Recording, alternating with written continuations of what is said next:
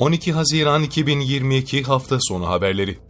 Pençe Kilit Operasyonu bölgesinde teröristlerle çıkan çatışma sonucu piyade uzman çavuş Ömer Yıldırım ve piyade uzman onbaşı Mehmet Ali Çap şehit oldu, iki asker ise yaralandı. Milli Savunma Bakanlığı Pençe Kilit Operasyonu bölgesinde iki askerin şehit olduğunu, iki askerin de yaralandığını duyurdu. Bakanlıktan yapılan açıklamada bizleri derin bir acı ve üzüntüye boğan bu olayda hayatını kaybeden aziz şehitlerimize Allah'tan rahmet, kederli ailelerine, Türk Silahlı Kuvvetleri ile asil milletimize başsağlığı ve sabır, yaralı personelimize de acil şifalar dileriz ifadelerine yer verildi. PKK terör örgütünü ülke gündeminden çıkarmak ve bölgede barındığı değerlendirilen teröristleri etkisiz hale getirmek maksadıyla Muş ilinde Eren Abluk 16 Şehit Üsteğmen İsmail Moray operasyonu başlatıldı. Operasyonda Muş İl Jandarma Komutanlığı'nca Jandarma Özel Harekat, Jandarma Polis Özel Harekat, Jandarma Komando ve Güvenlik Korucu timlerinden oluşan 578 personel, 39 operasyonel tim görev alıyor. Hakkari Yoncalı Kepizek sırtında istihbarat, İHA ve keşif gözetleme sonucu yerleri belirlenen 4 terörist hava destekli operasyonla etkisiz hale getirildi.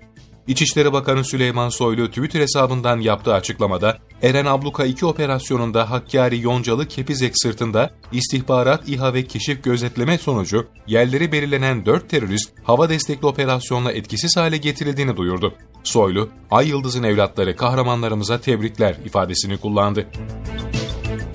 Sel nedeniyle bir kişinin hayatını kaybettiği Ankara'dan bir de kayıp ihbarı geldi.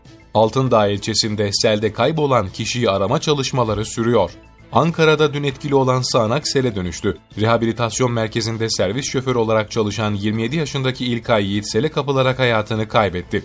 Ankara Büyükşehir Belediyesi itfaiye ekiplerinin de destek verdiği arama çalışmaları sonucu Yiğit'in cansız bedeni dere kenarında selde sürüklenen ağaç dallarının arasında bulundu. Selde kaybolan diğer kişiyi arama çalışmaları sürüyor. Meteoroloji İstanbul'un da içinde olduğu 37 kenti sarı kodlu uyarmıştı. Beklenen yağış İstanbul genelinde sabah saatlerinde başladı. Avrupa ve Anadolu yakalarının genelinde sabah karşı başlayan sağanak yer yer etkisini gösteriyor. Sabah saatlerinde işe gitmek için toplu ulaşım araçlarını kullanan vatandaşların ıslanmamak için duraklara sığındığı görüldü. Yağışın gün boyu aralıklarla devam etmesi bekleniyor.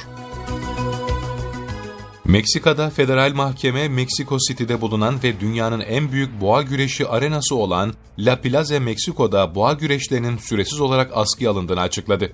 Just Justice adlı sivil toplum örgütü tarafından açılan dava sonucunda yasaklama kararı hayvanlara kötü muamele yapılması sebebiyle alındı.